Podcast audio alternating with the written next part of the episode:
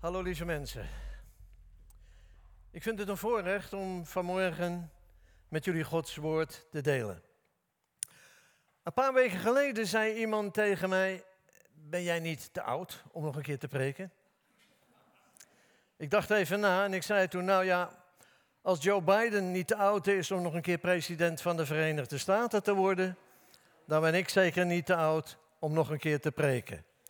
En hij is overigens al twee keer van het podium gevallen. Dat hoop ik niet te doen. Mijn thema van morgen, en dan moet ik even kijken hoe dat allemaal functioneert. Ja, is de wonderen zijn de wereld nog niet uit. Je kan ook zeggen de wonderen zijn de wereld niet uit. Nou, ik weet zeker dat wij allemaal wel eens dagdromen over wonderen die we graag zouden willen zien gebeuren. Dat geldt niet alleen voor ons hier in de kerk, maar ook voor de mensen thuis. En hartelijk welkom overigens. Fijn dat jullie meekijken. Wat zou je willen hebben? Een groot huis? Een wereldreis van een half jaar? Een grote auto? Een mooie vrouw? Huis voor kinderen. Of misschien wel een paar miljoen in de lotto. Dat zou je natuurlijk helemaal gelukkig maken, nietwaar? Is dat echt waar? Veel mensen zeggen uh, meteen, ja natuurlijk. Maar daar is nog altijd dat grote maar. En ik moet dan denken aan die meneer in Heemskerk die afgelopen januari 2,8 miljoen won in de postcode loterij. Heerlijk hè? 2,8 miljoen. In één klap ben je rijk. Nou, deze meneer had helaas vier maanden daarvoor zijn vrouw verloren. En hij wist helemaal niet wat hij met al dat geld moest gaan doen. En hij deed er allerlei gekke dingen mee. Hij bouwde bijvoorbeeld een keuken van 20.000 euro in zijn huurhuis. En twee maanden later moest hij verhuizen om de vele bedelaars van de deur te houden. Dag keuken. Nou, deze meneer had 30 jaar lang op een wonder gewacht. En toen dat wonder er eenmaal was, was hij er doodongelukkig mee. Nou, ik wist het wel hoor. Maar laten we eerlijk zijn. Er zijn wonderen en wonderen. En daar heb ik dan twee vragen over. De eerste is, wil ik wel wonderen zien? En de tweede is, geloof ik wel in wonderen?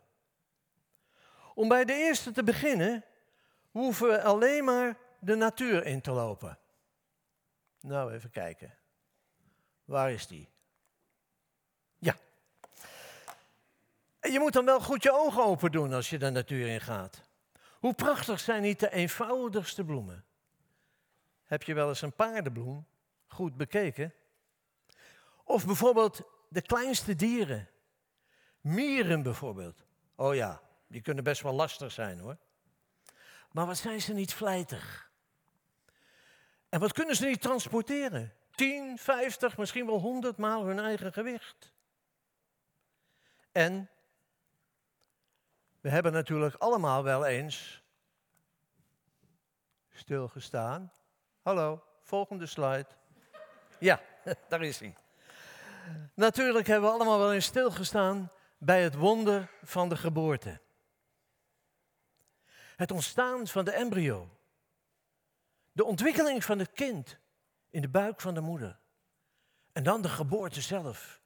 De verbazing Kijken of alles er wel op en eraan zit. Vingertjes en teentjes tellen. 1, 2, 3, 4. Ja, en je moet je niet vertellen. God is onze volmaakte schepper. De grote kunstenaar. De almachtige, de almachtige God. Onze Vader. Hij die de hemel en de aarde maakte. De sterren, de zon en de maan. Het onmetelijke universum. Wij mensen spreken wel eens over een donker gat in dat universum.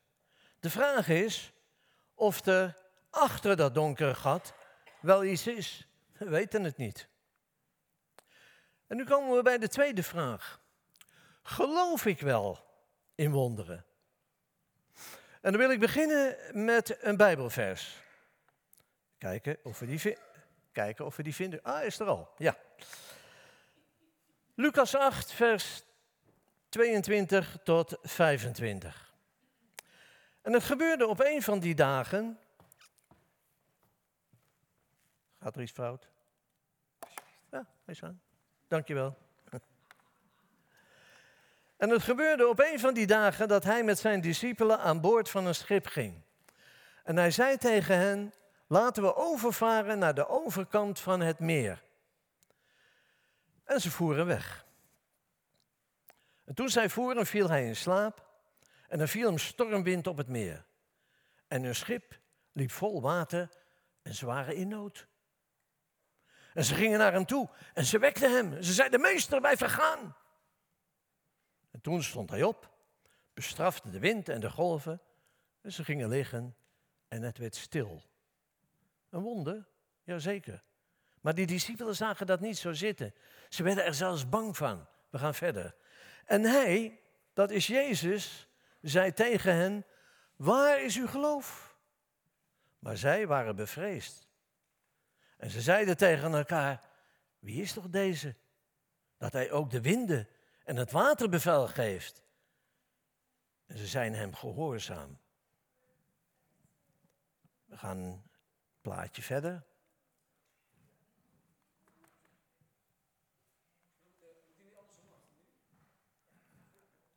Ah, ah. Ja, daar is hij. Nou, stel je die situatie maar eens voor. Er zijn een paar mannen in een klein bootje. Ze dachten rustig naar de overkant te varen. Ja hoor, daar komt die stomme storm. En maar roeien, jongens. Ja, vergeet het maar. Daar viel niet tegenaan te roeien. En tot overmaat van ramp begon dat bootje ook nog vol met water te lopen. Oh ja, Jezus is aan boord. Dat is waar ook. Meester, word er gauw wakker. Wij vergaan. Aha, ken je die situatie? Je zit letterlijk en figuurlijk in de boot. Misschien is het wel je huwelijksboot. Of je financiële boot. Of de boot op school vaart niet de goede kant op. Nou ja, vul je eigen boot maar in. En maar roeien, jongens. En maar roeien. Maar het helpt niks. Je zit in de boot en je zit in je storm en je dreigt onder te gaan. Op dat moment is natuurlijk de grote vraag: wie heb je in je boot? En daar kom ik nog op terug. We gaan even een paar duizend jaar terug in de tijd van de koningen, in het Oude Testament.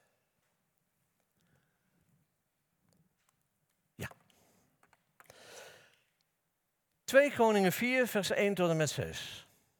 Een vrouw, een van de vrouwen van de leerlingprofeten, zei tot Elisa, riep tot Elisa om hulp. En hij, ze zei, uw dienaar, mijn man, is gestorven.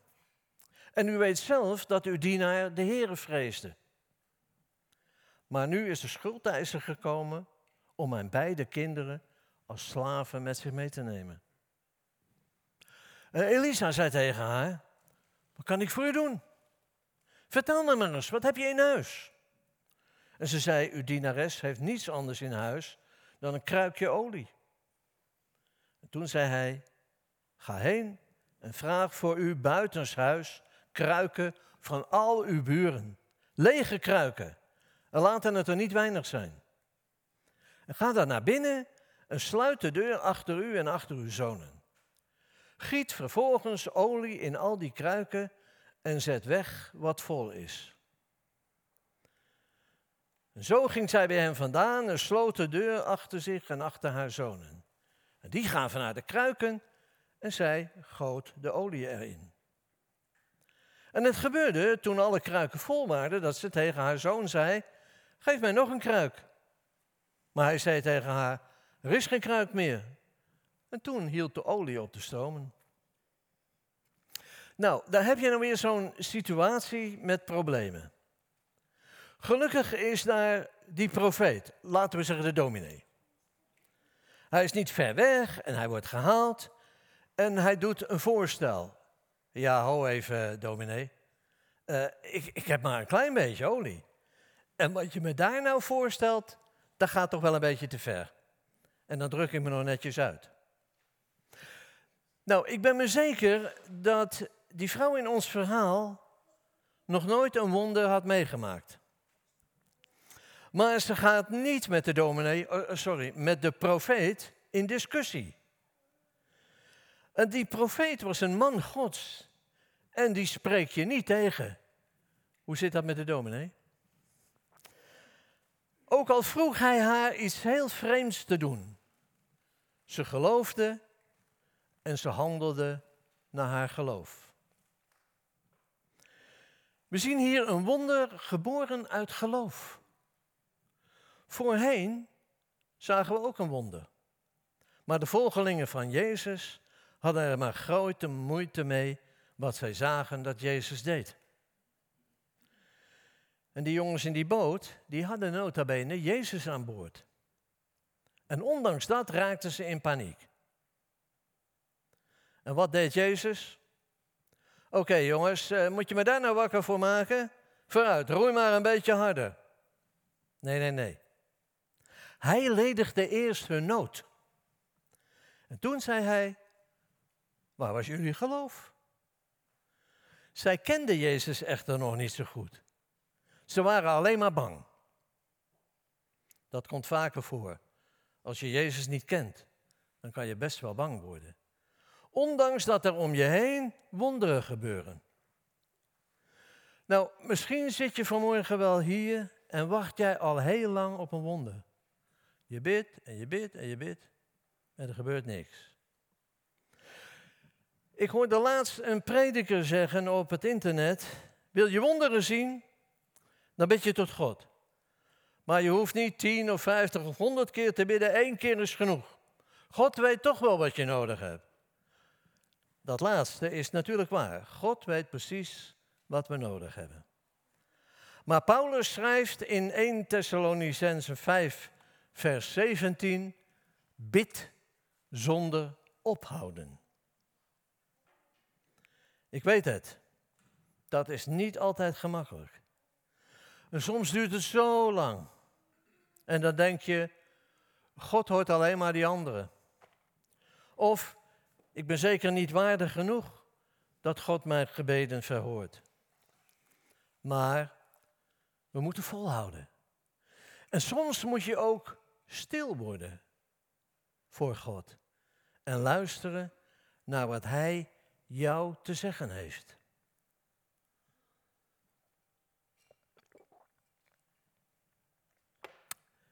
Er was eens een boer die zijn horloge, een erfstuk, in de hooischuur verloren had.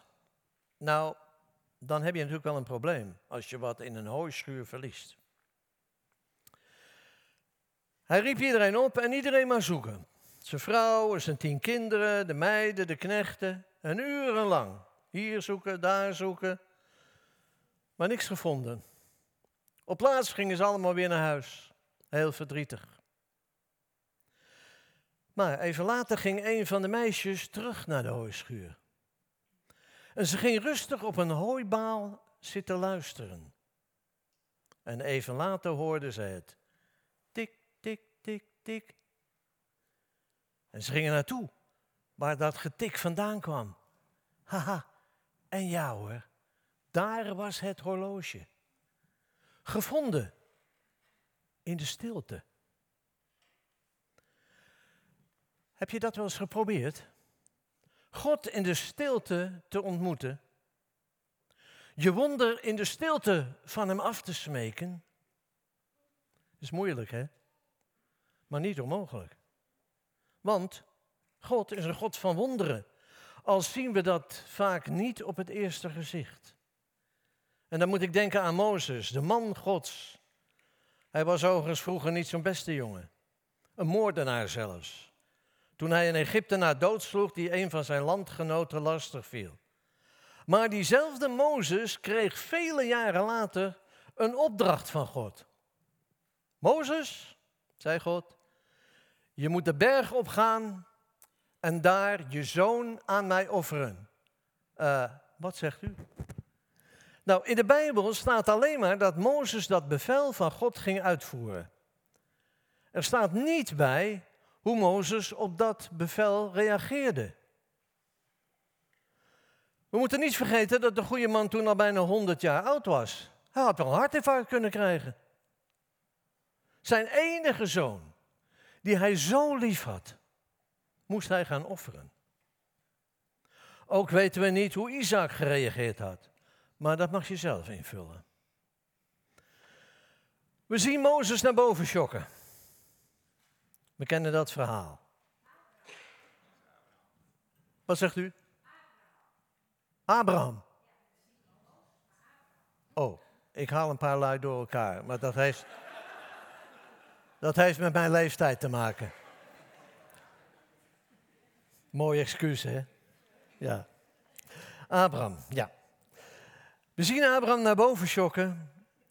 En we kennen dat verhaal op. Het laatste nippertje is naar dat wonder.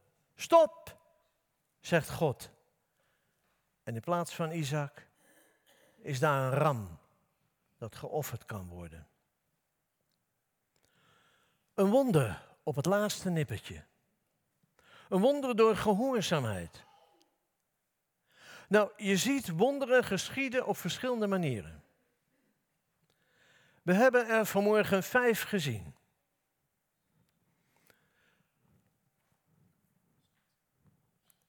Oeps.